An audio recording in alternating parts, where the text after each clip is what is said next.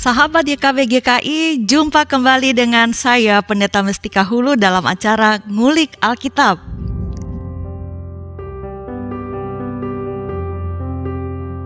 Dalam episode kali ini, kita akan mengulik satu bagian Alkitab dari Kejadian pasal 21 ayat 8 sampai 19 di bawah tema kekhawatiran dan Allah yang mencukupkan.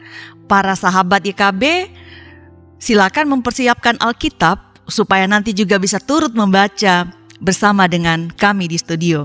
Untuk mengulik tema kita, kekhawatiran dan Allah yang mencukupkan, telah hadir bersama kita di studio Bapak Pendeta Arlianus. Bapak apa kabar?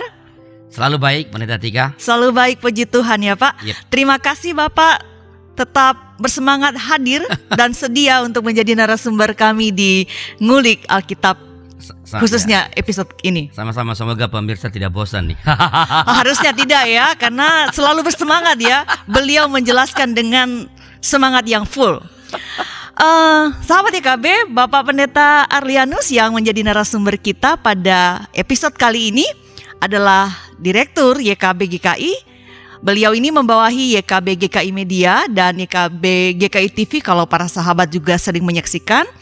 Eh, sebelumnya beliau ini adalah Sekum Badan Pekerja Majelis Sinode Gereja GK eh, Kristen Indonesia atau GKI dan para sahabat sekalian, acara ngulik Alkitab ini dipersiapkan untuk menolong kita bersama belajar mendalami kitab suci dan sembari melihat apa relevansinya dalam kehidupan kita sehari-hari untuk menjawab berbagai pertanyaan-pertanyaan yang mungkin timbul di dalam menjalani kehidupan kita sehari-hari. Eh, para sahabat sekalian, Anda juga bisa terlibat dalam eh, interaksi berinteraksi bersama dengan kami dengan mengajukan pertanyaan atau memberikan komentar di chat room yang tersedia. Sebelum kita membaca Alkitab dan memulai kulikan kita mengenai kekhawatiran yang kita hadapi sehari-hari dan tentang Allah yang mencukupkan, kita akan awali bincang kita dengan berdoa yang dipimpin oleh Bapak Pendeta. Silakan Bapak. Kasih mari kita berdoa.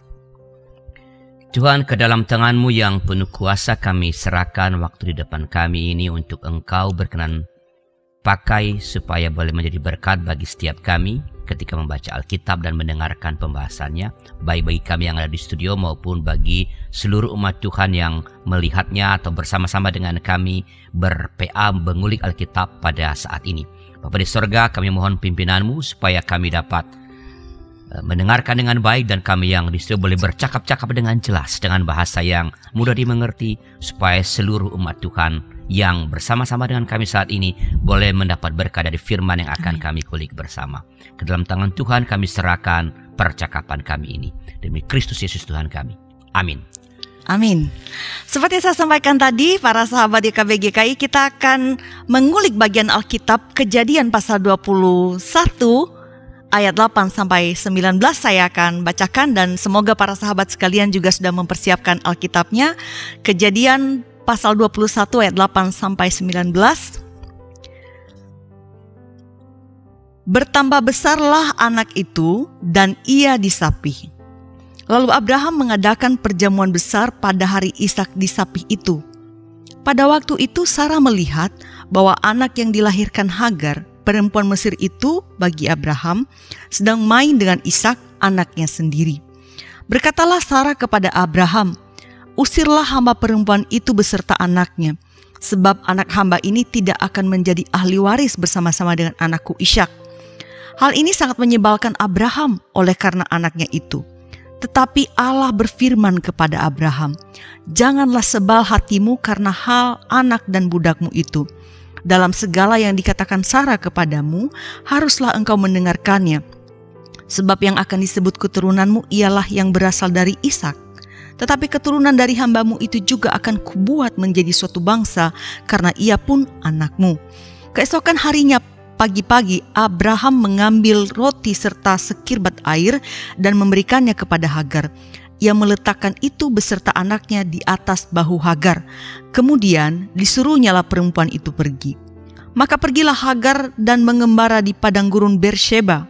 ketika air yang dikirbat itu habis, dibuangnyalah anak itu ke bawah semak-semak, dan ia duduk agak jauh, kira-kira sepemanah jauhnya, sebab katanya, "Tidak tahan aku melihat anak itu mati." Sedang ia duduk di situ, menangislah ia dengan suara nyaring. Allah mendengar suara anak itu, lalu malaikat Allah berseru dari langit kepada Hagar, katanya kepadanya, "Apakah yang engkau susahkan, Hagar? Janganlah takut, sebab Allah telah mendengar suara anak itu dari tempat ia berbaring. Bangunlah, angkatlah anak itu dan bimbinglah dia, sebab aku akan membuat dia menjadi bangsa yang besar." Lalu Allah membuka mata Hagar, sehingga ia melihat sebuah sumur. Ia pergi mengisi kirbatnya dengan air, kemudian diberinya anak itu minum. Bapak, dalam acara ngulik Alkitab kali ini kita akan mengulik satu tema yang saya kira sangat sehari-hari terjadi pada kita, kekhawatiran. Iya. Tapi tidak berhenti pada kekhawatiran juga. Ada Allah yang mencukupkan. Apa sih Pak relasi dari kedua pokok yang bertentangan ini kekhawatiran? Jelas itu hari-hari kita, tapi ada Allah juga yang mencukupkan. Bagaimana saya secara personal dan para sahabat DKB bisa mengkorelasikan, bisa menyimak ini dengan baik Pak? Iya, soalnya mengapa khawatir kalau ada Allah yang mencukupkan ya? Betul Pak. Ya. Jadi begini eh Pendeta Tika. Pemenuhan kebutuhan hidup secara cukup ya. adalah menjadi harapan semua orang. Termasuk saya Pak. Yep, kita semua. Siapa yang tidak mau kebutuhan Iya. hidup dicukupkan? Iya. Ya, bukan hanya sekedar cukup ada banyak orang yang menginginkan agar kebutuhan hidup itu eh, dapat dipenuhi secara berkelimpahan. Berkelimpahan. Berkelimpahan, ya. Nah, kebutuhan yang dimaksudkan tentu saja bukan hanya kebutuhan-kebutuhan fisik seperti makan, Ya. minum, pakaian, eh, tempat tinggal, tetapi juga kebutuhan-kebutuhan psikologis akan rasa aman, Ya. kebutuhan sosial, relasi-relasi dengan dengan orang lain, keamanan, bahkan kebutuhan spiritual, kebutuhan yang berkaitan dengan Sang Maha Berbeda, yaitu Tuhan. Semua orang ingin agar itu dicukupkan, kalau bisa jangan hanya cukup sebenarnya, Berlimpah. berlimpah-limpah.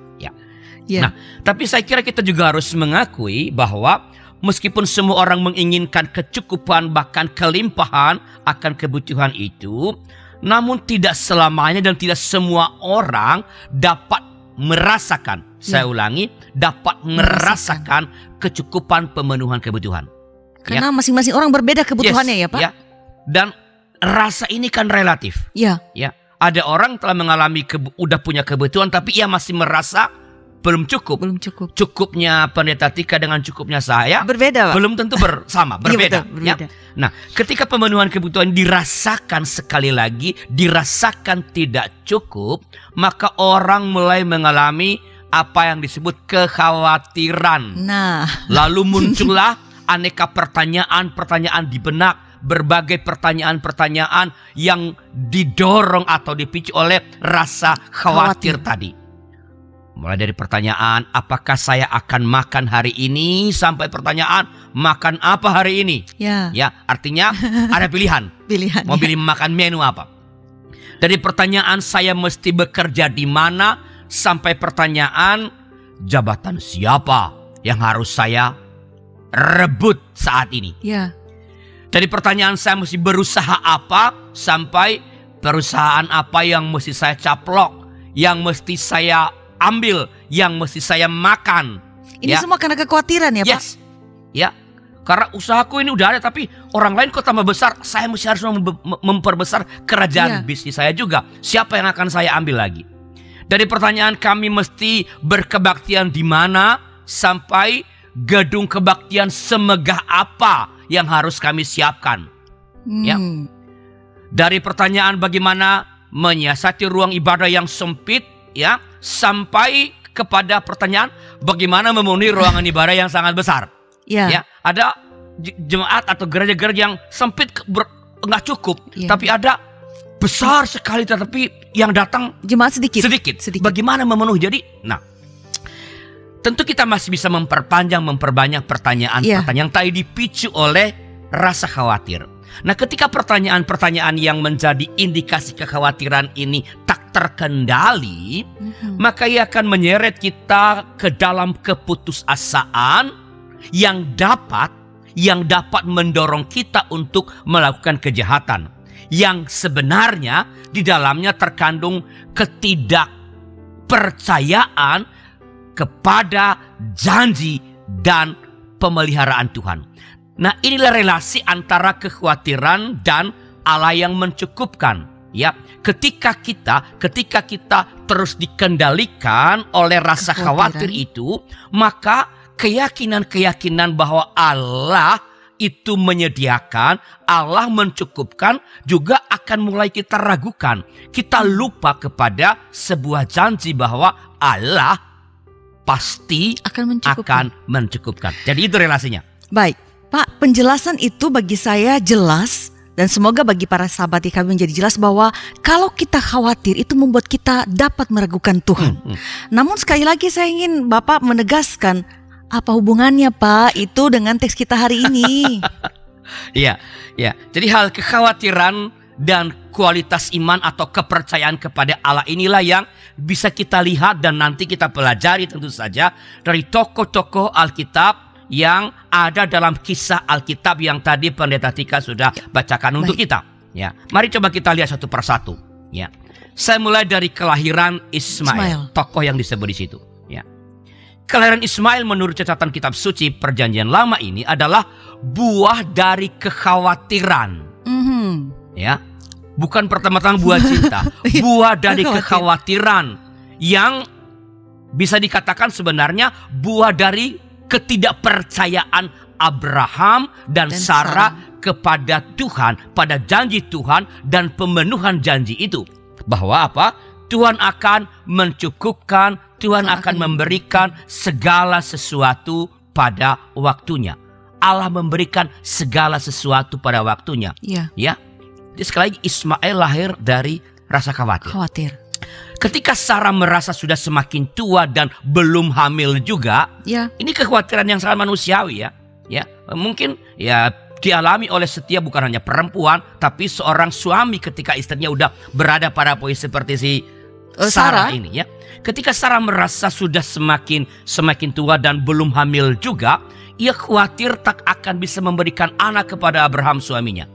Kekhawatiran ini membuat ia meminta suaminya agar sang hamba Hagar itu ya eh, eh, apa namanya eh, dihampiri oleh Abraham. Abraham. Tahu artinya dihampiri ya? Iya. Kalau dalam bahasa dihampiri artinya tidur dengan dengan sang Hagar. hamba ini. Ya. dan Abraham pun mengiyakan. Karena khawatir juga. nggak tahu apa karena memang enak. Begitu saja Abraham itu mengiyakan kekhawatiran atas pemenuhan kebutuhan dan akan eh, keturunan membuat mereka berdua Abraham dan Sarah lupa pada janji Tuhan atau mungkin tak percaya lagi pada Janji janji, Tuhan. Tuhan. Itu bisa dicatat dalam Kejadian 16 ayat pertama tadi soal eh, per- permintaan siapa? Eh, Permintaan Sarah. Sarah. Ya. Oke. Pak, bagi saya ini tampak bukan pilihan bijaksana ketika eh, Abraham menyetujui permintaan Sarah untuk Hmm, menghampiri Hagar. hmm. Mengapa sih Pak mereka harus meragukan Hmm. janji Tuhan khawatir wah jangan-jangan masih lama nih atau nggak mungkin kan mandul dan tua Pak. Hmm, hmm, hmm.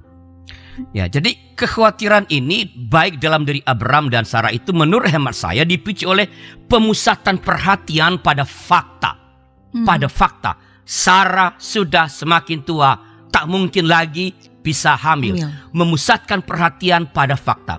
Dan ini pelajaran pertama yang eh, eh, kita dapat eh, kali ini bahwa Ya. pemusatan perhatian melulu pada Pada. fakta negatif fakta negatif dapat menimbulkan kekhawatiran yang pada gilirannya akan mendorong kita melakukan hal-hal yang bertentangan dengan kehendak Tuhan. Sekali pe- pem- apa pemusatan perhatian pada fakta negatif Ya. akan membuat kita dapat melakukan hal-hal yang bertentangan dengan kehendak Tuhan.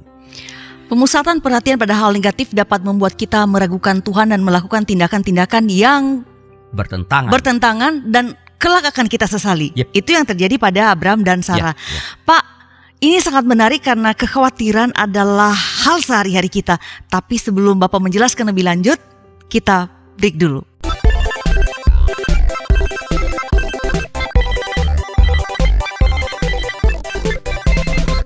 Untuk kegiatan apa pun yang dilakukan oleh badan pelayanan yang mana pun juga pasti membutuhkan dukungan. Salah satunya adalah dukungan dana. Oleh karena itu, YKB GKI Media juga membutuhkan dukungan dana dari kita semua.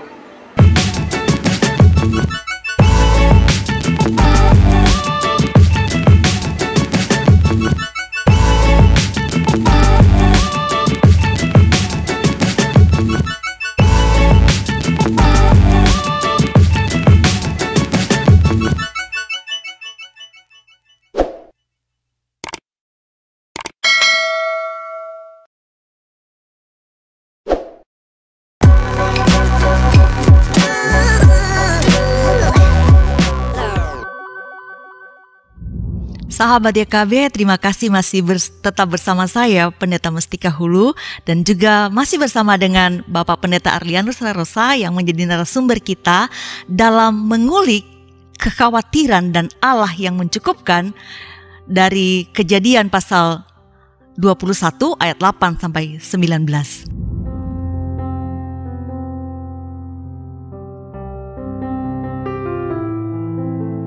Bapak, merujuk pada pertanyaan saya tadi sebelum kita rehat, saya akan membacakan lagi ayat 8 dan 9 dari bagian ini.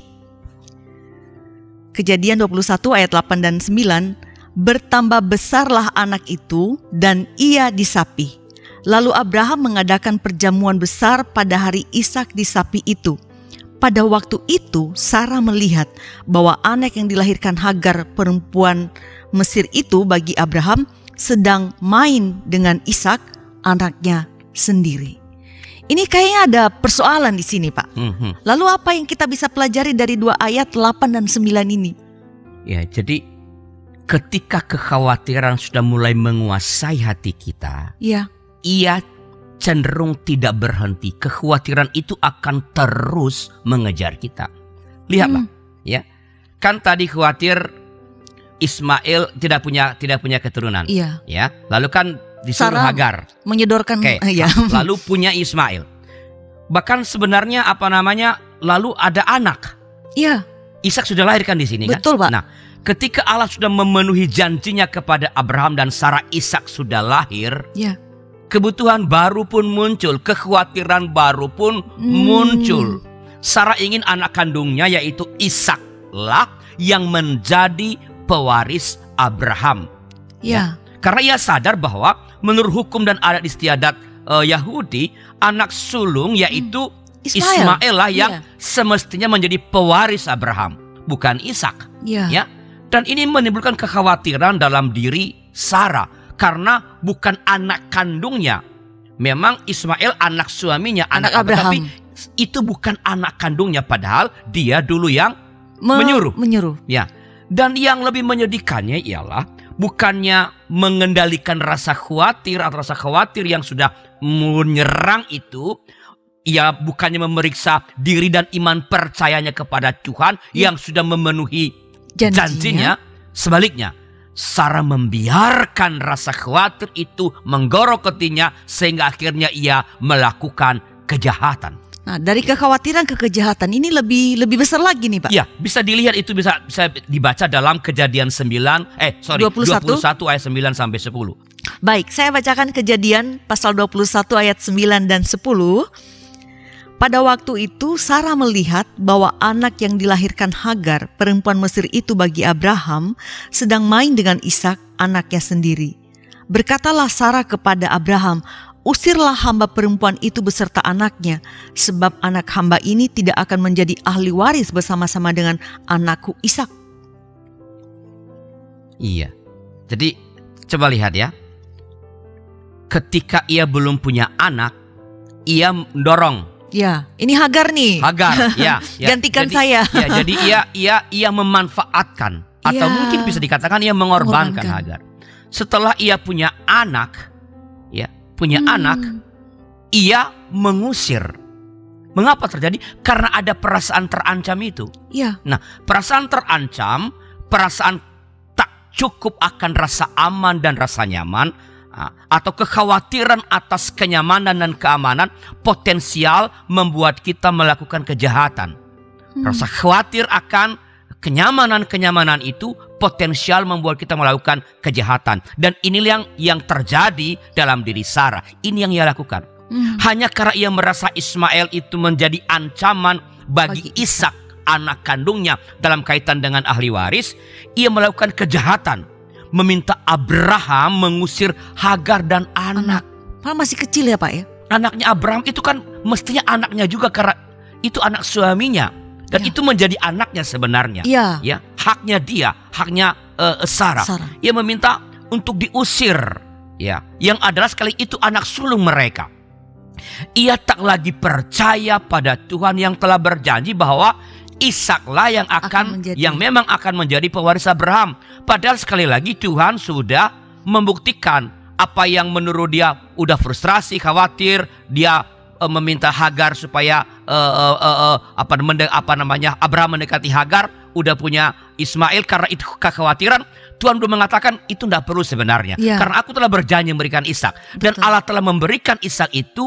Sekarang ia tidak lagi percaya, ia tidak percaya lagi lebih tepatnya bahwa Allah akan menjamin bahwa Ishak yang Ishak. menjadi pewaris. karena Tuhan menjanjikan rasa khawatir sekali lagi, perasaan terancam menghasilkan kejahatan dan ketidakpercayaan bahwa Tuhan akan memenuhi janjinya yang telah ia berikan. Iya, jadi kekhawatiran ini bisa membawa kita pada berbagai hal, bahkan kejahatan Yep. ya Pak ya. Betul. Jadi patut sangat patut diwaspadai. Sangat perlu diwaspadai. Ya. Baik Pak, saya mau lanjut ke ayat 11 ya Pak. Ya. Setelah tadi dia gusar karena Ismail ini, Sarah gusar Ismail main dengan Ishak ini. Ayat 11 mengatakan bahwa hal ini, karena kan Sarah meminta Abraham untuk mengusir. Yap. Ayat 11, hal ini sangat menyebalkan Abraham oleh karena anaknya itu. Lalu apa yang hendak dikatakan teks pada kita Pak? Kekhawatiran dan Allah yang mencukupkan. Jadi hal kekhawatiran ini juga terjadi dalam diri Abraham ternyata. Bukan hanya Sarah, Mhm. tapi Abraham yang kita kenal sebagai Bapak Bapak orang orang, beriman. beriman. ternyata juga dikuasai oleh rasa khawatir. Ia ingin mempertahankan Ismail di rumahnya karena itulah anak Sulungnya. sulungnya.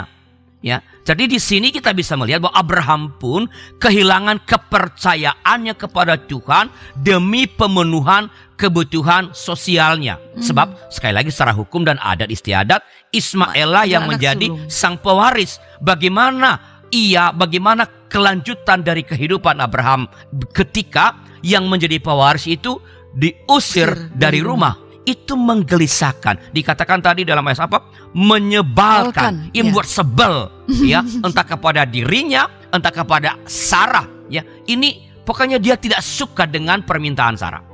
Iya. Ya, Abraham lupa bahwa Ismail itu saya sudah katakan tadi Iya. lahir atas keinginan daging, Iya. didorong oleh apa?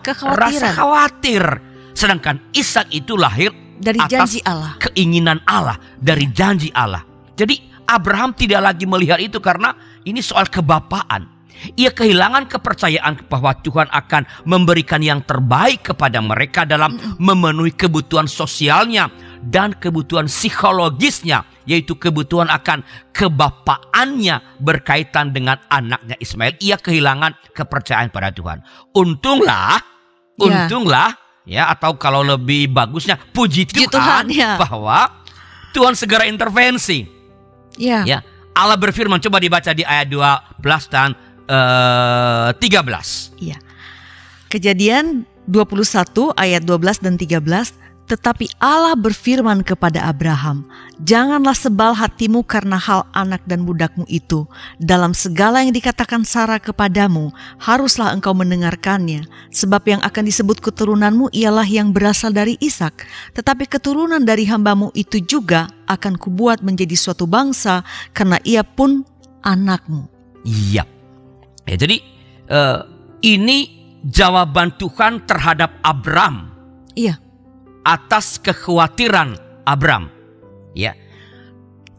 Tetapi keturunan dari hamba itu akan kubuat menjadi Menjadi bangsa bangsa. Oleh besar. intervensi Allah inilah Abram pada akhirnya nanti memenuhi kebutuhan Sarah akan rasa aman. Bisa dibaca di ayat 14. Ayat 14 kita lanjutkan.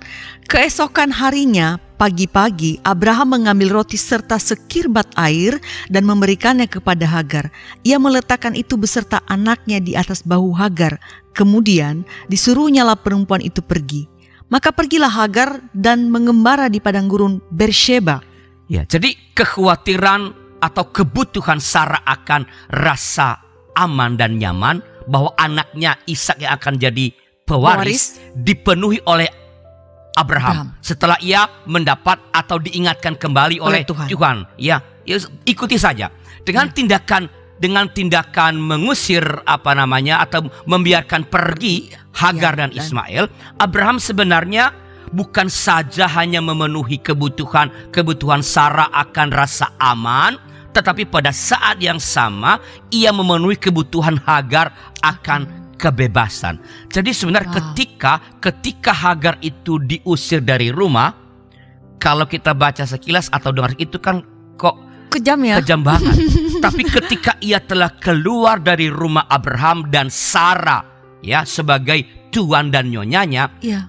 ia bukan lagi hamba. Ia menjadi orang Merdeka. merdeka. Ia merdeka bertindak apa pun mengerjakan. Ya. apa. Jadi pada saat yang sama ketika Abraham mengusir Mengusir. Hagar dan Ismail, kebutuhan Sarah terpenuhi atas rasa aman, Kebutuhan Hagar juga. kebutuhan Hagar secara sosial akan kebebasan dipenuhi. Itulah Ya. sebabnya tidak ada komplain dari Hagar.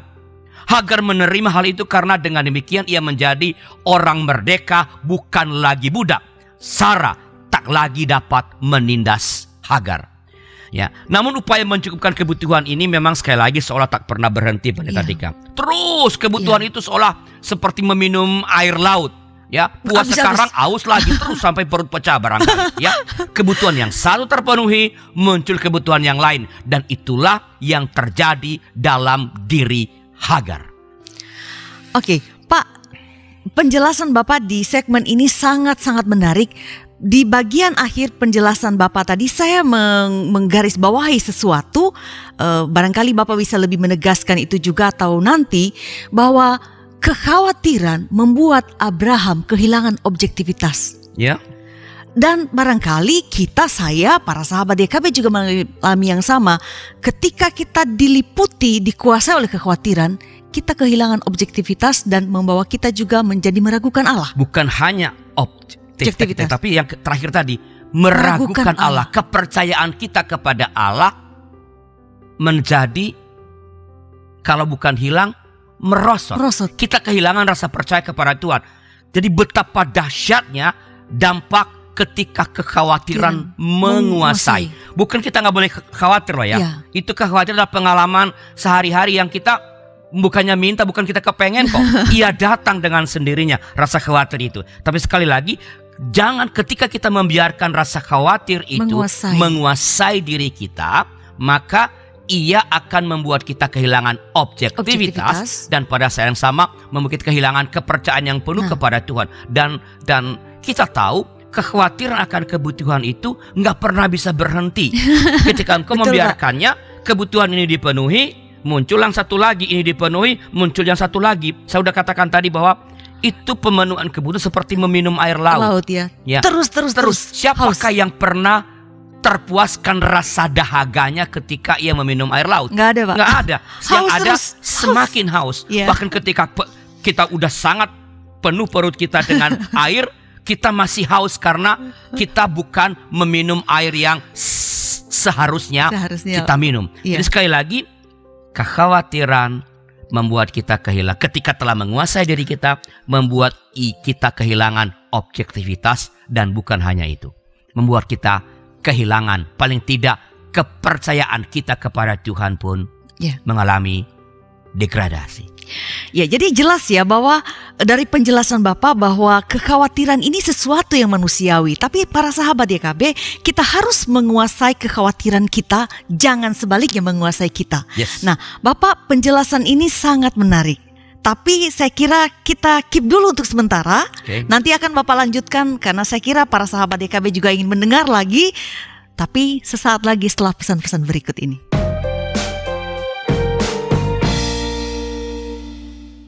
YKB GKI Media membutuhkan dukungan doa kita, membutuhkan keterlibatan kita, membutuhkan dukungan dana dari kita semua.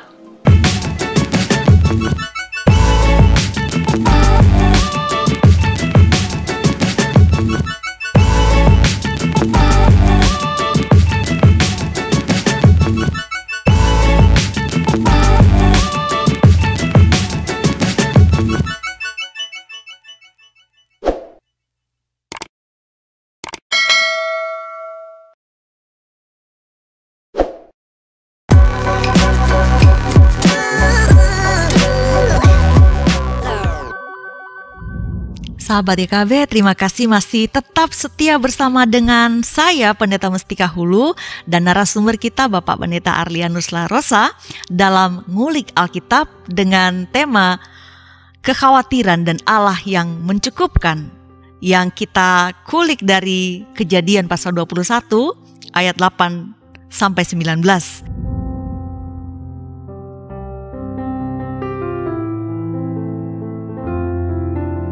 Ini merupakan segmen terakhir kita, namun sahabat YKB GKI tetap memiliki kesempatan untuk berinteraksi melalui chat room yang tersedia dan mengajukan pertanyaan, komentar, ataupun hal-hal lainnya. Bapak kita lanjutkan. Oke. Tadi sudah sangat-sangat menarik ya bahwa dikatakan kekhawatiran ini membuat Sarah melakukan kejahatan. Ya. Kemudian karena kekhawatiran juga Abram terseret dan kemudian kehilangan objektivitas Ya. dan mereka berdua baik Abram, Abraham dan Sarah kemudian meragukan janji Allah. Ya. Lahirlah Ismail dan masalah muncul. Ya. Tetapi ada kabar baik juga Pak di tengah-tengah. Hagar seorang budak ditindas oleh nyonya, Hmm, hmm, hmm. tetapi pengusiran yang tadi Bapak katakan sepintas memang kejam, tetapi membawa pembebasan bagi Hagar. Mhm. Kebutuhannya terpenuhi. Tapi Bapak juga berkali-kali dari awal mengatakan bahwa oh satu selesai muncul lagi yang lain sehingga Bapak menggunakan ilustrasi seperti minum air laut. Hmm. Ini gimana sih Bapak memahami ini supaya kekhawatiran ini jangan menguasai tetapi mengarahkan hati bahwa Tuhan mencukupkan dan that's enough. Jadi itulah yang sekali lagi tadi kan eh, yang terjadi dalam diri eh, Hagar ya, Hagar, yang terakhir ini bahwa kebutuhan sosialnya akan kebebasan sebenarnya Terpenuhi. terpenuhi. Tapi baru saja ia menikmati pemenuhan kebutuhan akan kemerdekaan itu, kini ia dibuat frustrasi oleh kebutuhan yang lain. Memang terkadang begitu, bukan karena kita yang mencari-cari, Ya. tapi situasi begitu rupa membuat kita ya eh, merasa eh, tidak bisa memenuhi hal-hal yang esensial yang lain dalam hidup kita dan itu yang dialami oleh Hagar kebutuhan sosial yang terpenuhi tapi ada kebutuhan fundamental yang tiba-tiba ia jumpai sekarang karena telah keluar dari rumah nyonya dan, dan itu tuannya bikin frustrasi. Ya, nah itu bisa dibaca dalam ayat 15 dan 16 dari kejadian 21 tadi. Baik. Kejadian 21 ayat 15 dan 16, ketika air yang dikirbat itu habis, dibuangnya anak itu ke bawah semak-semak dan ia duduk agak jauh, kira-kira sepemanah jauhnya, sebab katanya, tidak tahan aku melihat anak itu mati. Sedang ia duduk di situ, menangislah ia dengan suara nyaring. Iya. Jadi ketika ia eh, meninggalkan eh, rumah, Rumah. tuan dan nyonyanya, sebenarnya suaminya Abraham membekali dia dengan air. Tetapi Betul. rupanya air yang berikan itu yang namanya kebutuhan itu ketika diambil dimanfaatkan ia Habis. akan habis. Ya. Dan ketika tidak sumber sumber lain yang menggantikan apa yang sudah dikonsumsi itu, tentu mungkin muncul kebutuhan baru dan itulah yang dialami oleh Hagar. Ya. Kekhawatiran karena fakta. Ini fakta bukan dikarang-karang oleh Hagar.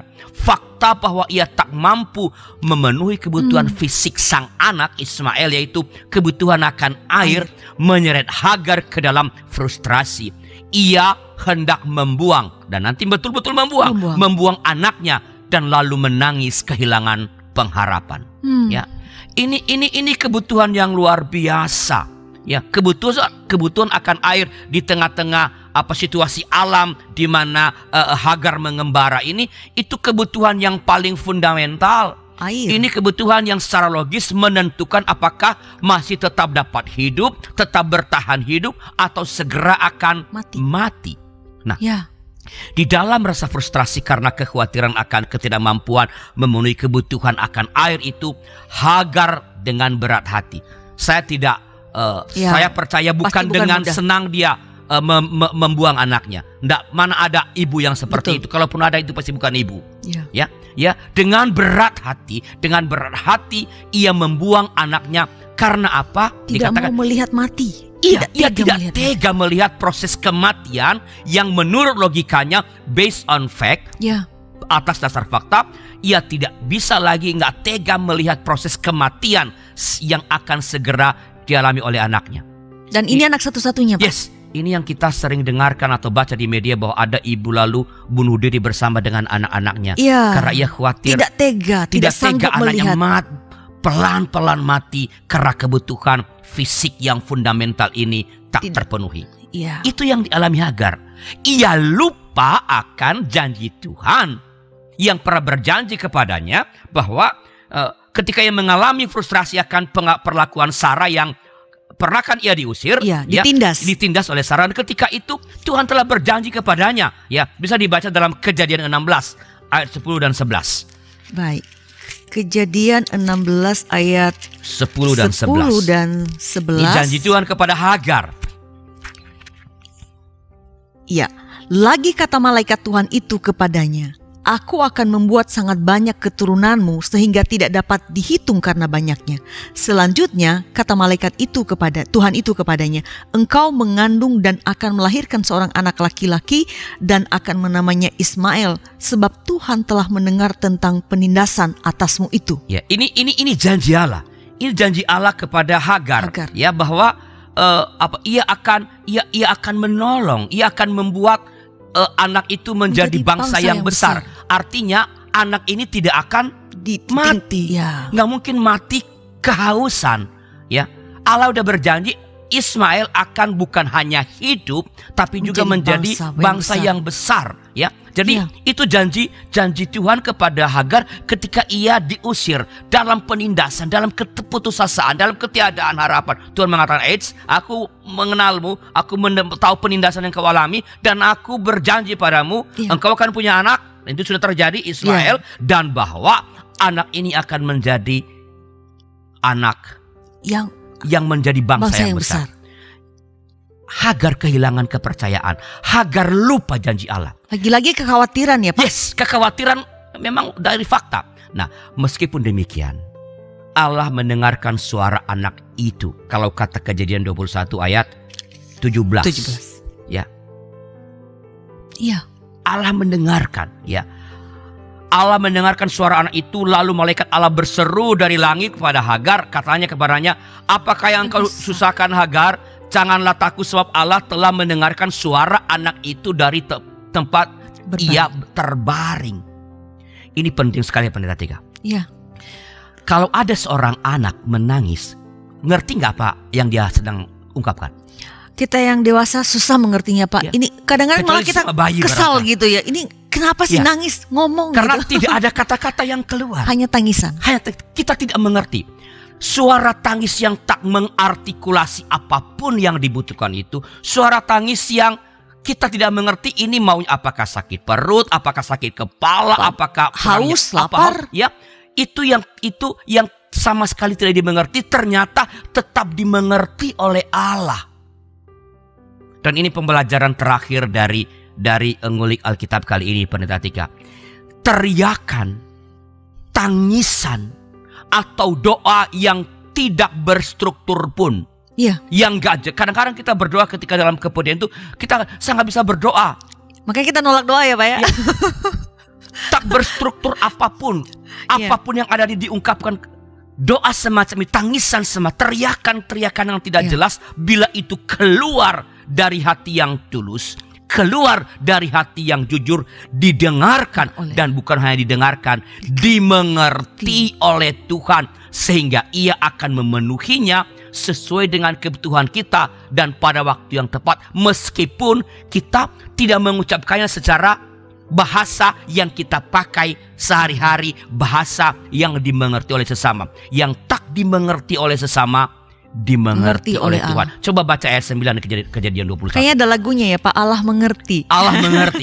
Iya. ya. Kejadian 29 eh, 21 ayat 9 berbunyi, pada waktu itu Sarah melihat bahwa anak yang dilahirkan Hagar, perempuan Mesir itu bagi Abraham sedang main dengan Ishak anaknya sendiri. Itu tadi di ayat 21 ayat 9 kita di 19 mungkin ya, Pak. 19. Ya, ayat 19. Ya. Lalu Allah membuka mata Hagar sehingga ia melihat sebuah sumur, ia pergi mengisi kirbatnya dengan air, kemudian diberinya anak itu Iya. minum. Allah mendengar. Membuka mata Hagar. Tiba-tiba kalau ia dikatakan sedangkan apa tadi? Lalu Allah membuka mata Hagar sehingga ia melihat. Kalau ia melihat, tadi ada nggak sumur itu di situ? Ada Pak, cuma Ada. karena khawatir Yes. Pak, terlalu fokus. Air mata. Ya, Air mata adalah simbol dari segala kepedihan, simbol segala kekhawatiran. Tertutup semua, ya, Pak. ketika mata sembab oleh air mata, kita nggak melihat jelas siapa yang ada di depan. Dan itulah yang terjadi kepada Hagar ketika fokus pada fakta, ya. Pada Tapi. Allah menyingkapkannya. Allah memberi yang dibutuhkan oleh Hagar tepat pada waktunya. Allah memberi yang dibutuhkan semua orang, bukan hanya Hagar, memberi yang kita butuhkan tepat pada waktunya. Dalam kekhawatiran kita, Allah memenuhi kebutuhan-kebutuhan kita setahap demi, Demi setahap. setahap, langkah demi langkah. Kebutuhan Abraham dan Sarah akan apa namanya keturunan ya. dipenuhi kan? Betul Pak. Tadi khawatir, khawatir, Ada Ishak. khawatir, khawatir. Ada tindakan-tindakan yang melawan kehendak Allah. Tetapi Allah memenuhi pada waktunya. Betul. Kebutuhan Sarah akan rasa nyaman juga dipenuhi oleh Allah. Kebutuhan Hagar akan kebebasan dipenuhi. Kebutuhannya akan air dipenuhi oleh Tuhan. Ya. Ya, meskipun mereka semua berjalan dan bertindak dalam kekhawatiran, Allah tetap mengerti. Allah memberikan yang mereka perlukan. Maka saya kira adalah baik kalau kita sekarang ini memeriksa diri kita sejenak ya Ya. sebagai orang-orang percaya kepada Allah ya, keturunan-keturunan Abraham.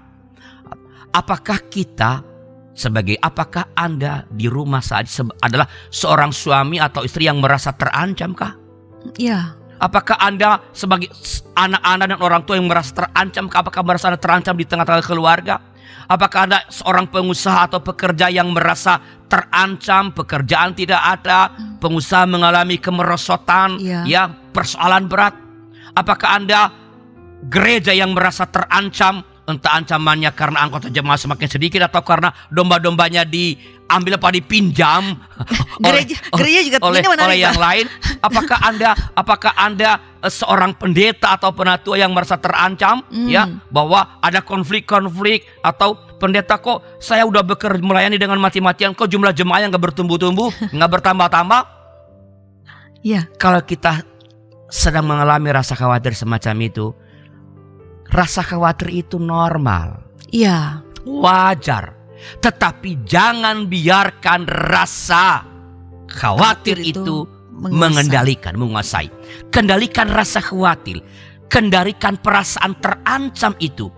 Periksa tadi yang dikatakan objektivitasnya agar kita tidak melakukan kejahatan pada saat yang sama. Tetaplah percaya bahwa Tuhan akan memenuhi yang engkau, yang saya, yang kita butuhkan tepat pada waktunya. Karena sekali lagi, kekhawatiran tak mengubah apa pun. kan Betul, Tuhan Pak. mengatakan, apakah engkau dapat menambah Sehasta. sehasta saja dari hidup dengan rasa khawatir? Tidak. Tidak. Kekhawatiran tidak akan memberi dampak yang konstruktif. Tak memberikan hasil yang baik. Betul. Kalau itu menguasai kita. Tambah buruk iya. Ya. Kalau engkau merasa khawatir, sekali lagi jangan salahkan diri. Aku beriman kepada Allah, kok rasa khawatir? Tidak apa-apa. Mau beriman mau enggak, sekali lagi rasa khawatir bisa menyerang. Tapi kendalikan. Kendalikan rasa Iya. khawatir. Sehingga itu tidak berubah jadi ancaman Iya. dan lalu membuat kita kehilangan kepercayaan dari Allah. Sekali lagi, apa pun yang engkau khawatirkan mengenai kebutuhan, entah kebutuhan apa pun, Ya. percayalah Allah selalu mencukupkan. Mencukupkan. Mencukupkan. Cukupkan. Ya, jadi cukupkanlah dirimu Ya. karena Allah sebenarnya telah menyediakan dengan secukupnya. Begitu pendeta tiga. Baik, saya kira itu perlu digarisbawahi oleh kita semua bahwa kekhawatiran adalah hal-hal yang memang terjadi dalam hidup kita, tetapi kita perlu mengingat dan mempercayai Allah yang mencukupkan. Bapak, terima kasih atas penjelasan yang begitu luas mengenai kekhawatiran dan juga Allah yang mencukupkan dalam ngulik Alkitab kali ini. Terima kasih sama-sama. Dan para sahabat YKB GKI, saya mau membuat semacam uh, summary atas ngulik Alkitab hari ini bahwa ada tiga hal yang patut kita ingat atau kita hayati bahwa pertama, tadi Bapak Pendeta sudah menjelaskan itu dari awal bahwa pemusatan perhatian melulu pada fakta negatif dapat menimbulkan kekhawatiran yang pada gilirannya mendorong kita melakukan hal-hal yang bertentangan dengan kehendak Tuhan seperti juga dilakukan oleh Abram dan Sarah. Kedua, perasaan terancam, perasaan tidak cukup akan rasa aman dan nyaman atau kekhawatiran atas kenyamanan dan keamanan potensial atau berpotensi membuat kita melakukan kejahatan. Yang ketiga, ini tentu juga perlu kita perhatikan bahwa teriakan, tangisan atau doa yang tidak dapat terungkapkan, tidak terstruktur pun, bila itu muncul dari dalam hati kita, ungkapan kepercayaan kita kepada Allah itu sesungguhnya dimengerti oleh Allah. Dan yang jauh lebih dahsyat adalah Allah akan memenuhi semua yang baik yang kita perlukan dalam hidup kita. Itu sebab bahwa kendati ada kekhawatiran karena itu manusiawi, kita nggak perlu gentar dan kita jangan membiarkan diri dikuasai karena kita punya Allah yang bukan hanya mengerti dan mendengar tapi Allah mencukupkan. Dan kita akan mengakhiri perjumpaan kita dalam ngulik Alkitab kali ini dengan doa yang akan dipimpin oleh Bapak Pendeta. Silakan Bapak. Kita berdoa. Tuhan kami bersyukur akan janji dan bukti dari pemenuhan janji-janji itu dalam hidup Abraham bahwa engkau memenuhi semua yang dibutuhkan. Engkau memenuhi, mencukupkan semua yang diperlukan tepat pada waktunya. Beri kami iman seperti itu Tuhan, agar terus kami boleh melewati kekhawatiran yang kadang datang menyerang, ancaman-ancaman yang kami lihat dalam kenyataan-kenyataan hidup kami. Jangan biarkan kami dikendalikan olehnya. Beri kami keyakinan terus bahwa Engkau adalah Allah yang mencukupkan apa pun yang kami perlukan dalam hidup ini seturut dengan kehendakmu. Terima kasih ya Tuhan. Demi Kristus Yesus Tuhan kami. Amin. Untuk kegiatan apa pun yang dilakukan oleh badan pelayanan yang mana pun juga pasti membutuhkan dukungan. Salah satunya adalah dukungan dana oleh karena itu, YKB GKI Media juga membutuhkan dukungan dana dari kita semua.